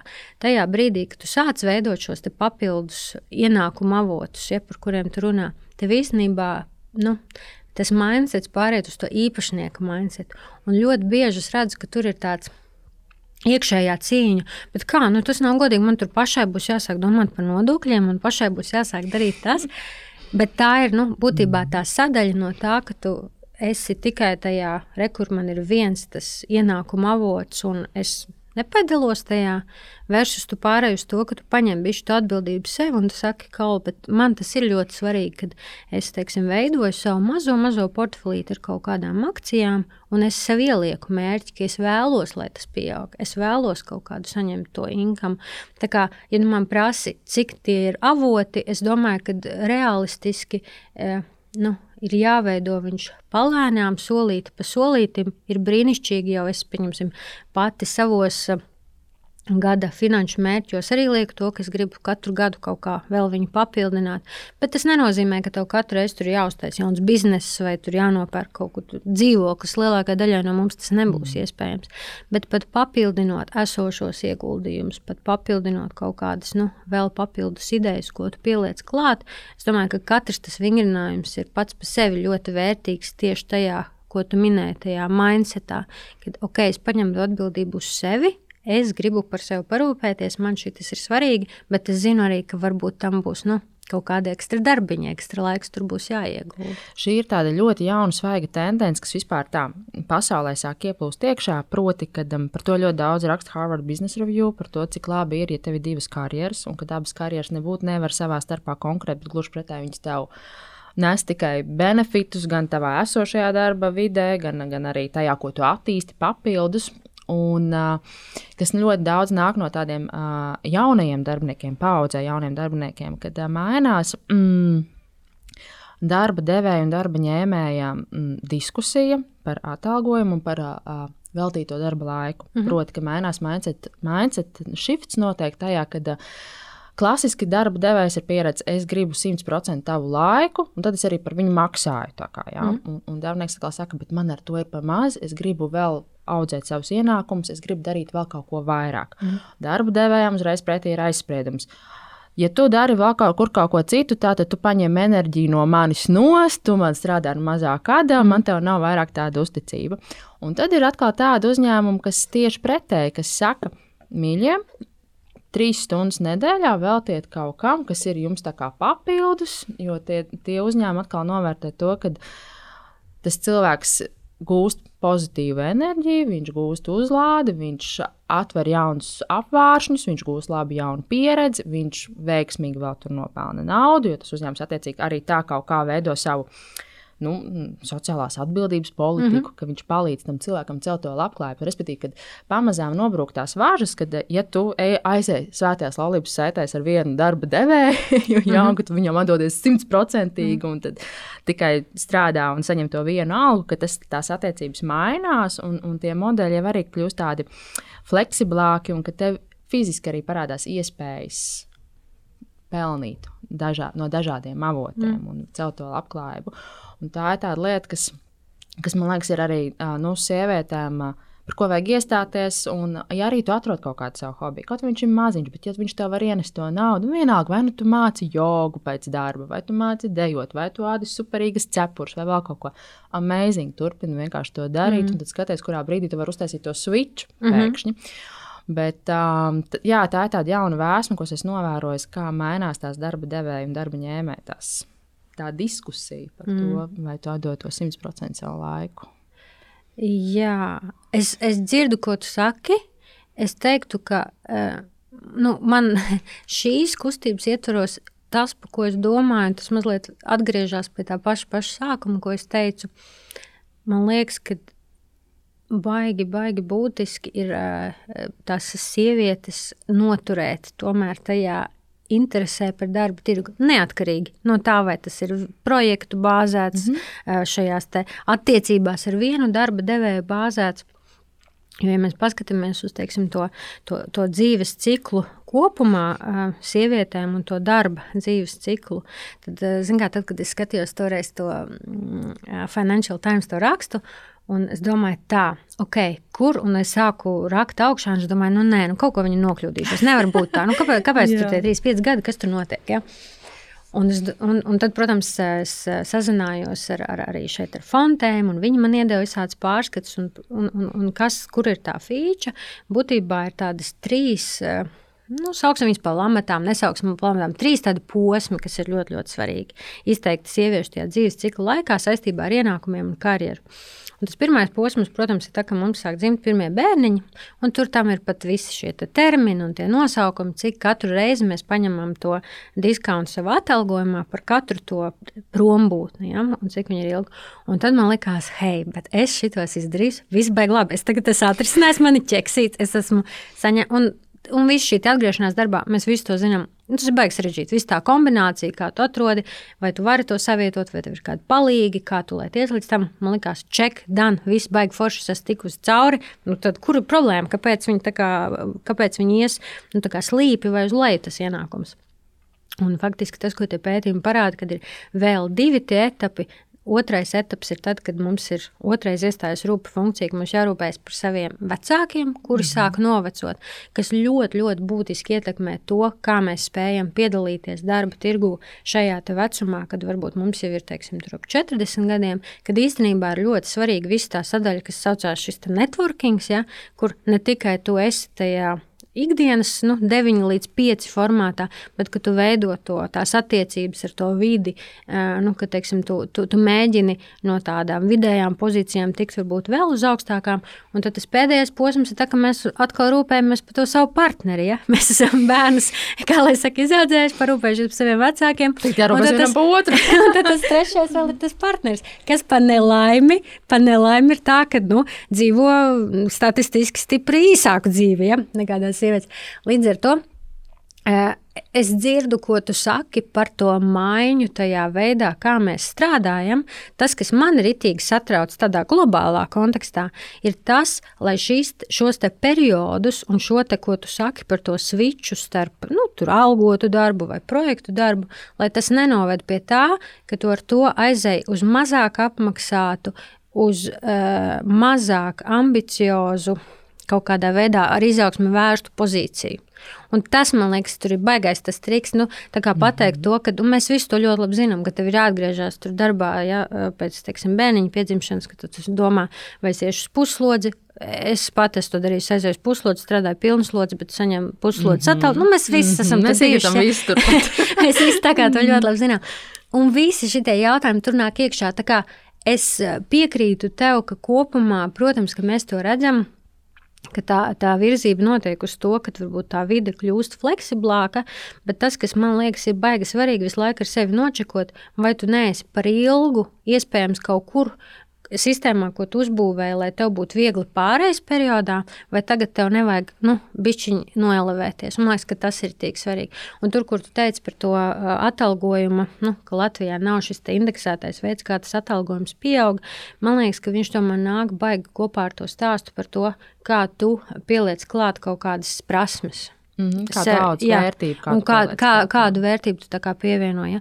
Un man liekas, ka tas nāk tāds roku rokā. Līdz ar to tur baigi svarīgi arī, jā, mums ir jāiedod sev laiks. Uh, nu, šajās rūpju funkcijās ieiet, bet tad, kad mēs atgriežamies, nu, jāatrod tie veiksmīgākie veidi, kā neuzliekot sev vājprātīgu vainas apziņu, ka tagad tu esi slikta mamma, vai slikta sieva, vai slikta meita, bet ka tu neaizēji ilgstoši nu, šajā kaut kādā samazinātā, piemēram, slodzē, samazinātā formātā, kas tavas iespējas nākotnē stipri samazina. Mani tas uztrauc, jo to es pēc statistikas baigi redzu, ka nu, teiksim, tas darbs, kāpēc arī daudz tiek runāts par to atalgojumu atšķirību dzimumu starpā, ja, nu, tur gluži vienkārši jāsalīdzina vienmēr ar arī nu, ābolu ar āboliem un bumbieri ar bumbieriem. Tajā ziņā, nu, kad ja sieviete stipri vairāk strādā, mazākas slodzes darbus, nu, tad, protams, kad, nu, attiecīgi tajā slodzē būs arī mazāks atalgojums. Mm -hmm. Bet droši vien jārokās bišķi dziļāk, kāpēc viņi strādā to nu, mazāko, īsāko slodzi. Un kaut kādā laikā tas ir ok, bet kaut kādā laikā tas ļoti, ļoti būtiski nu, izveido to starpību gan tajos uzkrājumos, gan pensiju uzkrājumos, gan visur citur. Tā kā tie ir tādi trīs triki posmi īstenībā, kas ir tajā dzīves ciklā. Nevar nepiekrist. Nevar nepiekrist. Nu, Klau, uh, rezumējot mūsu sarunu, mēs esam veiksmīgi no, pietuvušies sarunas nos, uh, noslēgumam. Kas tad ir tās varbūt trīs lietas, uz ko mums jau šodien mēs varam darīt savā labā, savā, savā naudas maka labā, lai rīt mēs justos kaut nedaudz mierīgāk par savu finansiālo situāciju? Jā. Nu, tad, summarizējot, man liekas, mēs jau mazliet viņām pieskārāmies. Viens, es domāju, ka pat tiešām e, zelta super, super vienkārši likums tajā savā finansēs ir tas e, uzkrājums un samaksāt sev pirmajai. E, neatstāt to uzkrājumu uz pēdējo dienu, pirms tev samaksā algu un paļauties, kas man tur paliks, to es kaut kur tur kaut kur ieskaitīšu, kaut ko ar viņu izdarīšu apņemies par kaut kādu summu jau šodien, jau tagad, iespējams par tādu summu, kas tev uzreiz šausmīgi kaulus nelauž. Varbūt, ka to ar sevi var sarunāt, es nezinu. Sāksim 10, 20, 30, 50 eiro, ko tajā dienā, kad tev tā nauda ienāk, ko tu īstenībā pārskaiti uz citu kontu projām, tādu, kuram nav piesaistīta karte, kas ir tai tavai drošībai, tavai neatkarībai. Tu smejies, bet, nu, protams, ka diemžēl tā ir, ka reizēm mums sevi nāks apmānīt ar to, ka tie uzkrājumi, kas ir veidoti visautomātiskāk, kur mēs vismazāk iesaistamies, ir visveiksmīgākie. Mm -hmm. Jo tur mēs katru reizi neraustamies un nedomājam, oi, bet šomēnes man nesenāk, šomēnes man senāk. Uzliekam sistēmu, aiziet, viss, baigi par to neaizdomājamies. Tas ir numur viens. Ja tas ir izdevies, ja tas ir sanācis, tad numur divi - bišķiņi, bišķiņi izdomājam kaut kādus vienu, divus foršus mērķus, kas tev patiešām ir svarīgi. Ar to pozitīvo. Nevis ar to skatu, tur viss būs tur dramatiski, viss tur nobruks, viss tur pasaulē beigsies. Kaut kā jau tā pasaule vienmēr ir turpinājusies, un, un tās problēmas kaut kādā mērā ir parisinājušās. Bet izdomāt tās divas, piemēram, foršās lietas, kam tu gribi krāt un kam tu esi gatavi labticīgi krāt un, un, un izdomāt to veidu. Un tad viņas sadalīt tādos mazos kumosiņos, mērāmos kumosiņos, kā tu šodien vari sev palīdzēt to izdarīt. Un es tiešām varu apsolīt, ka tajā brīdī, kad tas būs pozitīvs mērķis, kas tev patiešām no sirds ir svarīgs, tā būs nenormāla, pat forša sajūta. Un tur ir tāds, pat, um, tāds pozitīvs adrenalīns. Un bieži vien tās dāmas man saka, ko, bet es sakrāju trīsreiz ātrāk nekā es plānoju, tāpēc ka šis ir tas, kas man likās, o, es tiešām šo te varu, es tiešām šo gribu. Tā kā viens ir samaksāt sev pirmie, divi uztaisīt vienu, divus šim gadam foršus pozitīvus mērķus, kas tev ir pašai svarīgi. Droši vien trīs man ļoti patīk. Ik pa laikam, burtiski tikko, kā mēs arī šajā šī jaunas komunā izveicām to, to, to paradumu skatu, to februāra finanšu gavēni, paskatīties uz sevis no malas, padomāt, nu, vai tie visi tēriņi, kas mums ir, vai tie ir adekvāti, vai šobrīd kaut ko gribās pamainīt. Un tas varbūt ir tas trešais paradumu puses ieteikums, ko es ieteiktu. Kad, nu, uztaisīt vienu tādu mēnesi, kad bišķiņi tuvāk paskatīties, kam mēs tērējam, kāpēc mēs tērējam. Vai tie ir tie tēriņi, lai kaimiņiem iedotu skatu, ka mums ir baigi forši? Tas arī esmu. Vai tie ir tie tēriņi? Un es diezgan droši varu apsolīt, ka tajā jūs ieraudzīsiet daudzas lietas par sevi. Es to gavēnu gāju šogad, tas bija ceturtais gads. Un es katru gadu domāju, nu, kas tur var būt. Nu, es esmu jau trīs gadus to darījis, nu, kas tur man būs. Jā. Un katru gadu ir kaut kāda lieta, ko es sevī pamanu, es piefiksēju, es saprotu. Un tad es zinu tās savas vājības, kuras uzķeros, vai tiešām man piekdienās, kad esmu piekususi, man nevajag vienkārši ņemt telefonu un iet uh, voltiņu skatīties, ja kas tur gadījumā šo, šo, šoreiz ir parādījies.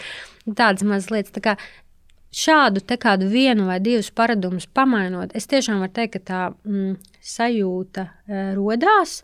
Katru gadu tur nav jāatrisina uzreiz, tur nav jāpieliek miljonu plāns, vai tur nav jāpieliek šausmīgi apjomi. Bet tos paradumus solīt pa solītam mainot, e, to, to drošības sajūtu īstenībā baigi forši var iegūt. Man tas aicinājums ir uzlikt to plānu, tādu kumos, tādu apēdamu, tādu, kā lai saka, pietiekami realistisku Un tas var nebūt baigi liels.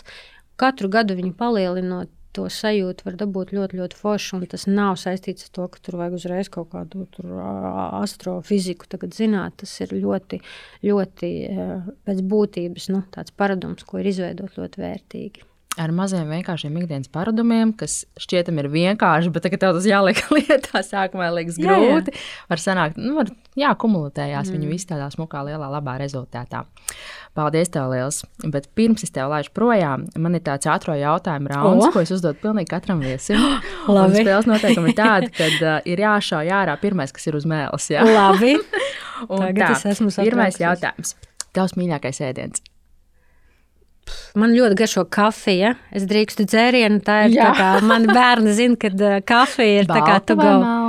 E, man ļoti garšo bišķiņu klāt ar pienu, bet, ja no manis kaut ko vajag pozitīvu dabūt, tad vajag sākumā uh, atnākt ar kafiju, un tad mēs visi varam atrast. jā, manā gadījumā, jā. Tavs pirmais skūpsts bija? Oi, tas bija vienā nometnē, kas bija Vācijā. Es biju aizbraukusi. Jā. Ar vāciet? Jā. Dziesmu, ko visbiežāk dungo pie sevis. Hmm. Man laikam patīk tā Farela Williams happy. To es diezgan daudz domāju. Es, un tas, starp citu, vienkārši vēlreiz atgriežoties pie visām šīm tēmām, šodien visu, jebkuru laiku, eh, godīgi sakot, arī tā, tā salīdzināšanos to kaimiņiem, Galvenais, protams, ir paturēt eh, prātā tās pateicības, kas ir, cik daudz mums foršas lietas arī šodien, šajā laikā, Ukraiņas kontekstā. Me, mums ir viss ir ļoti labi. Tā kā pasakām paldies par to, un man liekas, ka lielā mērā tā dziesma man arī ir tāpēc, lai es sev piefiksētu, ka uh, ir, ir ļoti daudz labas mm. lietas, kas mums ir nestoties to, kad ir trauksme par to, par to naudu un visu. Mm. Ir labas lietas, kas notiek. Jā. Lūdzu, turpiniet teikumu. Drosme ir. Drosme ir tā atklāt uz sevi, paskatīties, atrast, piefiksēt kaut kādus savus trūkumus, saprast, ka tu esi tikai cilvēks un sarunāt ar sevi mazus, mazus uzlabojumus, eh, ne tik lielus, un tad pēc tam atskatīties un saprast, wow, es eh, to ceļu sāku iet, un man sanāca, es varu. Drosmīgākā vai varbūt trakākā lieta, ko jebkad esi darījusi? Zini, kas bija drosmīgākā? Mm, es nezinu īstenībā, kā es toreiz to izdarīju, bet uh, man bija iespēja par šo tēmu runāt Lampas festivālā Cēsīs. Laikam pirms eh, kādiem gadiem, trīs. Un, eh, un, un, un tad bankas kolēģi teica, oh, bet uh, izdomājam foršus veidus, kā to nopromotēt. Un vai kaut kāds toreiz bija tēma, kā reiz drosme, par ko tu jautā. Kas tāda drosmīga lieta, ko tu varētu izdarīt? Un es neesmu tāds baigais ekstrēmu sporta veidu piekritējs. Nu, padomājiet, kaut kādas idejas parisināt. Un viņi teica, izdarām tā, ka tu uzkāpsi, nu, protams, pilnīgi tā kā tur ar, ar, ar visiem stiprinājumiem, ar visu. Ziniet, tur, kur Svetbankai, kad jūs braucat pāri tiltam, jūs redzat, ir tā būra, ir tā smailīta un pats pats gals. Un tev būs tur jāskāpj augšā ar, ar festivāla lampa karogu. Un mēs tā kā ar droniem viņu filmējam un nofočējam. Tas bija greizi, bet tas bija nenormāli forši. Es domāju, arī izdarīju. Es izdarīju, jā, jā. Nē, nu, mēs bijām, tur bija karabīnas un viss, mēs jā. bijām ieknalēti. Bet bija rītīgi bail, bet bija rītīgi forši. Es biju bišķiņ, bišķiņ augstāk pa vanšu tiltu, tur tā skaisti lidoja, un tā Rīga ir tik ārkārtīgi skaista, tā kā tas bija diezgan traki. Jā, tas, tas tiešām ir traki. Mīļākā filma? Man laikam ļoti patīk talantīgais eh, Misters Riplijs. Man tur viss saslēdzās priekš manis tajā filmā. Suns vai kaķis? Suns. Mm. Grāmata, ko iesaka izlasīt? Lasu es baigi daudz. Nu, es laikam atkārtošos, ka šajā tēmā, par cik es tagad par to naudu runāju, e, bagātais tētis, nabagais tētis, Roberts Kiyosaki, vienkārši jāizlasa, un tas ir jāpatur, un tur ir visa mindset domāšana brīnišķīgi pašiem bērniem visiem. Kas ir labākais padoms, ko kāds tev ir devis, vai gluži pretēji sliktākais? Nu, tā tie jautājumi, tas salikti tādi, ka es jau esmu izpļāpājušās, tad vēl. Um, es, es domāju, ka labākais padoms eh, droši vien ir bijis tāds, ka eh, nu, saprast, kāpēc kaut kādas lietas, ko es daru, kāpēc man tas ir vajadzīgs. Nevis no tāda egoistiskas pieejas, bet no tādas, kā pašam izveidot sev to pasauli, kādu, eh, kādu tu gribi, ko tu gribi sasniegt. Lūk, runājot vienalga par finanšu brīvību, par tādu kopumā, par tādu brīvību, kas man liekas, ka tas ir bijis tāds, kā tie lēmumi, ko tu pieņem, kalpo tam tavam mērķim, uz ko tu gribi iet, vai tas, tas ir nodoms, ir iekšā patiesa, vai kāpēc tu to dari. Mm -hmm. Ļoti labi palīdz visā tajā vāveres ritenītī.